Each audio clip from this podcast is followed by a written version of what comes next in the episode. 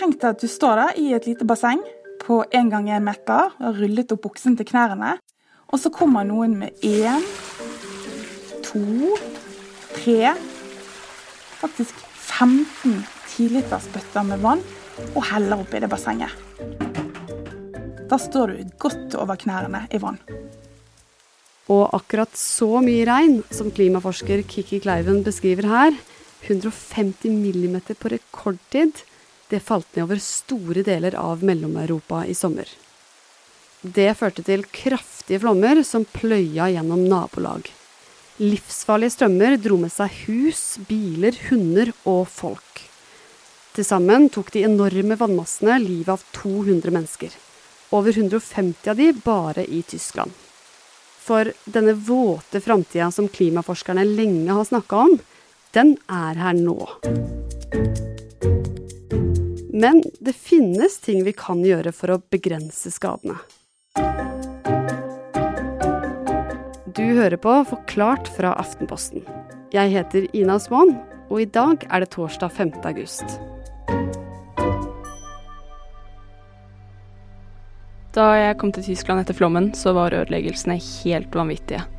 Det var steder hvor bare grunnmuren av hus sto igjen, fordi alt annet var bare revet vekk av vannet. Eh, store biler lå slengt rundt i gatene og stakk ut av stuene til folk. De hadde blitt kastet rundt som om de var små leketøy, selv om de veier flere tonn. Og folks personlige eiendeler lå strødd i gaten. Det er mange som har mistet alt de eier. Gina Grieg Risnes er utenriksjournalist i Aftenposten. Og i midten av juli så dekka hun flommen i Tyskland. En av dem vi møtte, var 62 år gamle Eva Fall. Then on uh, Monday evening or something, it started to rain, and Yeah. then the whole day after, yeah, Yeah. really, really heavy Yeah. rain, and um, so Vi møtte henne da hun kom gråtende nedover gaten sin på kvelden. Eh, hun var på vei tilbake til huset sitt og hadde brukt dagen på å gå rundt i byen og snakke med politi og brannvesenet for å prøve å få mer informasjon om det som hadde skjedd. De mistet alt av telekommunikasjon, så de kunne bare snakke med folk for å få informasjon. I don't know how many people he died here, but I know of uh, uh, two, and um, who, who died in the river. Men hun var, hun var helt fortvilet og visste ikke hva hun skulle gjøre. For det er jo ikke noe svar på hva du skal gjøre når byen din er knust til pinneved. Really hard. This is hard stuff, and um, På mange måter så var Eva heldig, fordi huset hennes lå litt uh, lå på toppen av byen. Eh, men da fikk hun også utsikt til alt det som skjedde. Fra verandaen så så hun husene idet de falt sammen. Eh, hun så mennesker som falt ut i vannet og ikke kom opp igjen. and a little girl fall uh, into the water, and she was Gone. yeah, a little girl. Jeg besøkte også et pleiehjem for mentalt funksjonshemmede. Der hadde det skjedd en helt enorm katastrofe. Da flommen kom, så var de helt uforberedt. Selv om de hadde blitt anbefalt å evakuere, men det ble ikke gjort, og det var bare én person på vakt den kvelden. Da vannet kom inn gjennom vinduene, så tok det knappe minutter før hele første etasjen var fylt med vann. Og der var det fremdeles tolv beboere som rett og slett druknet på rommene sine. Vi snakket med naboer som hadde hørt skrikene fra beboerne den natten. Men det var ikke bare Tyskland som ble ramma av styrtregn og flom i sommer. Flere land i Mellom-Europa ble oversvømt etter ekstreme mengder regn. Flommen nådde også Belgia og Nederland og Østerrike, og til og med Italia. Og Norge kunne like gjerne vært på den lista der. For disse flomkatastrofene, de kan også skje her.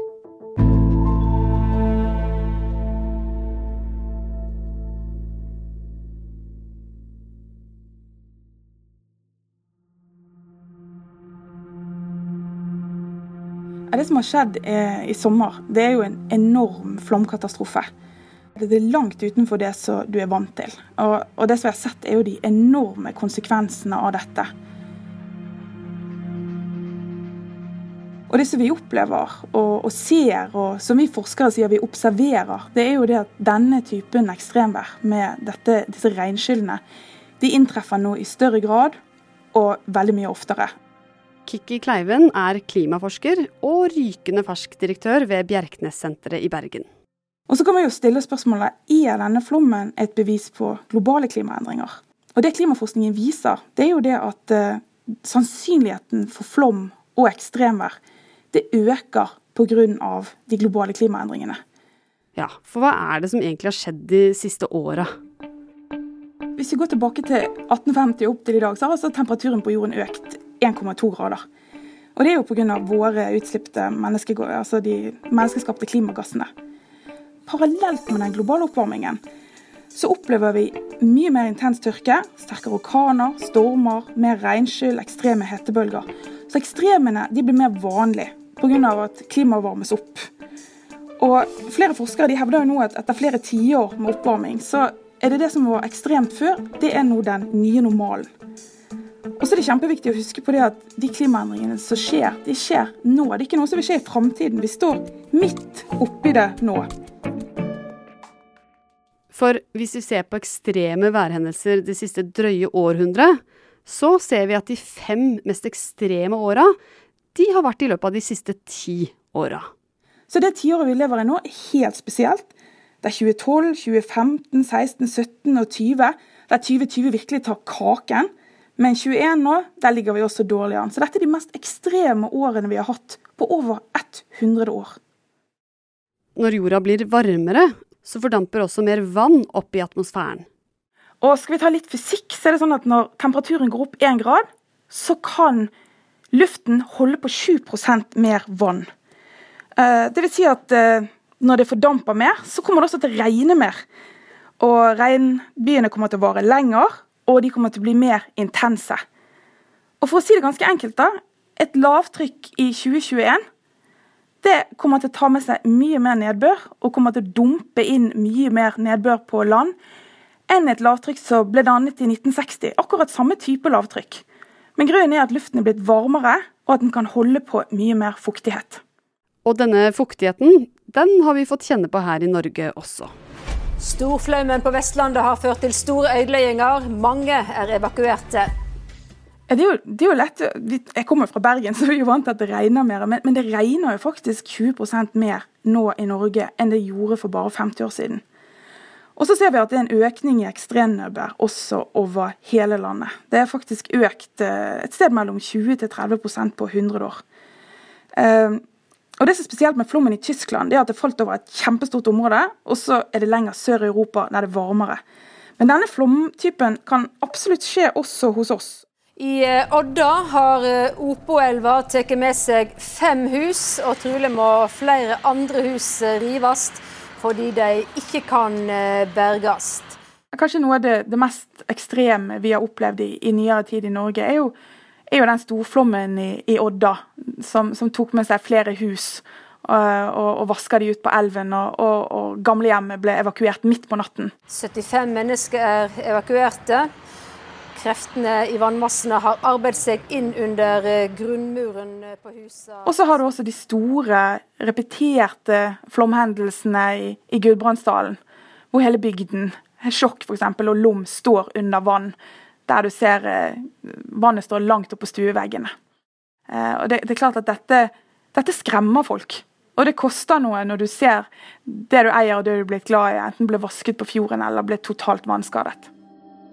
Og i framtida kan det bli enda verre.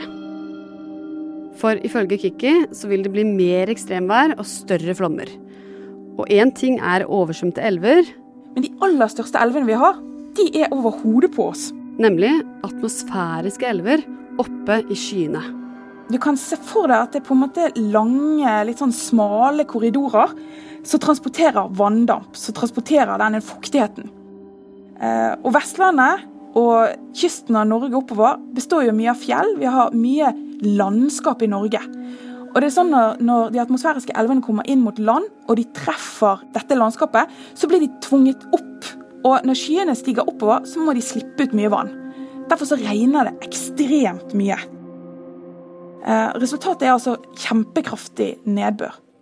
Flommen i Odda på Vestlandet f.eks., den skyldtes nettopp en sånn atmosfærisk elv, med fuktighet som kom helt opp fra tropene. Og Det som vi forskere lurer på, og forsker veldig mye på, det er jo om disse atmosfæriske elvene kommer til å bli mer vanlig. og hvor mye mer intens kommer de til å bli.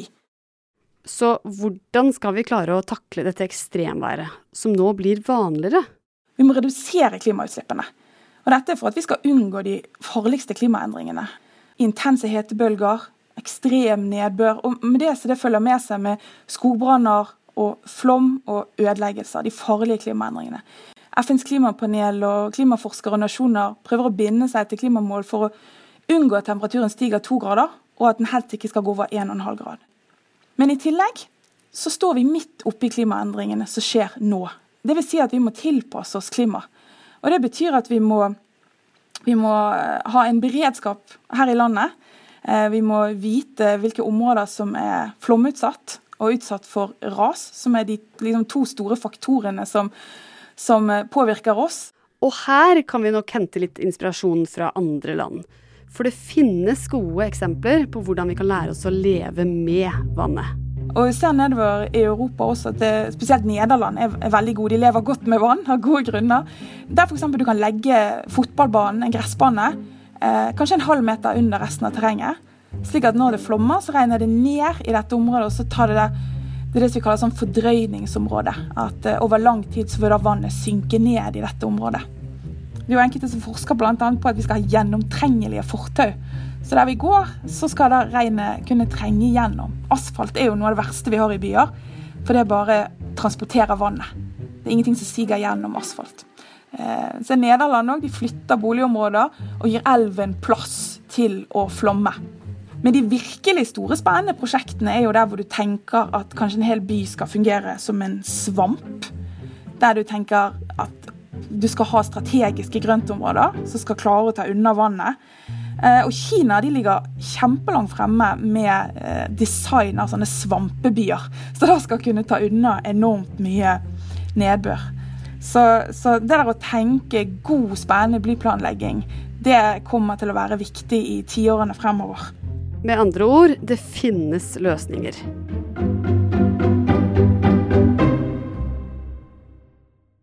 Men eh, bare for å være litt gledesdreper på tampen her, så inneholder de mest realistiske scenarioene også en del alvor. Jo, FNs eh, klimapanel kom jo med en ganske god pekepinn i 2018 når den såkalte 1,5-gradsrapporten kom ut. Og Den viste jo med all tydelighet forskjellen på to forskjellige verdener. En verden hvor vi har klart å begrense oppvarmingen til 1,5 grad, eller en verden hvor temperaturen har steget til 2 grader. I det siste tilfellet en togradersverden så er jo noen av de største økosystemene i verden nesten vekke. Men i en togradersverden så er det også en verden hvor det er mye farligere å bo. Eh, det er mer ekstrem hetebølger, det er mer ekstrem nedbør i de områdene som får mer fukt. Eh, veldig mange mennesker vil bli drevet på flukt i en togradersverden. Så alt dette gir jo oss en meget, meget god grunn til å få ned klimautslippene, slik at vi unngår de farligste klimaendringene. For klimaendringene de rammer ulikt. Det går nemlig et slags skille sør i Europa. Der blir det tørrere og varmere. Vi blir varmere og våtere. Og Løsningen for oss er jo å lære oss å leve med vannet. Eh, og sørge for at det blir en ressurs og ikke en trussel. Men det vil kreve investeringer. Men på sikt er dette noe som vi må gjennomføre for å sikre at vi kan fortsette å bo i flere områder i Norge.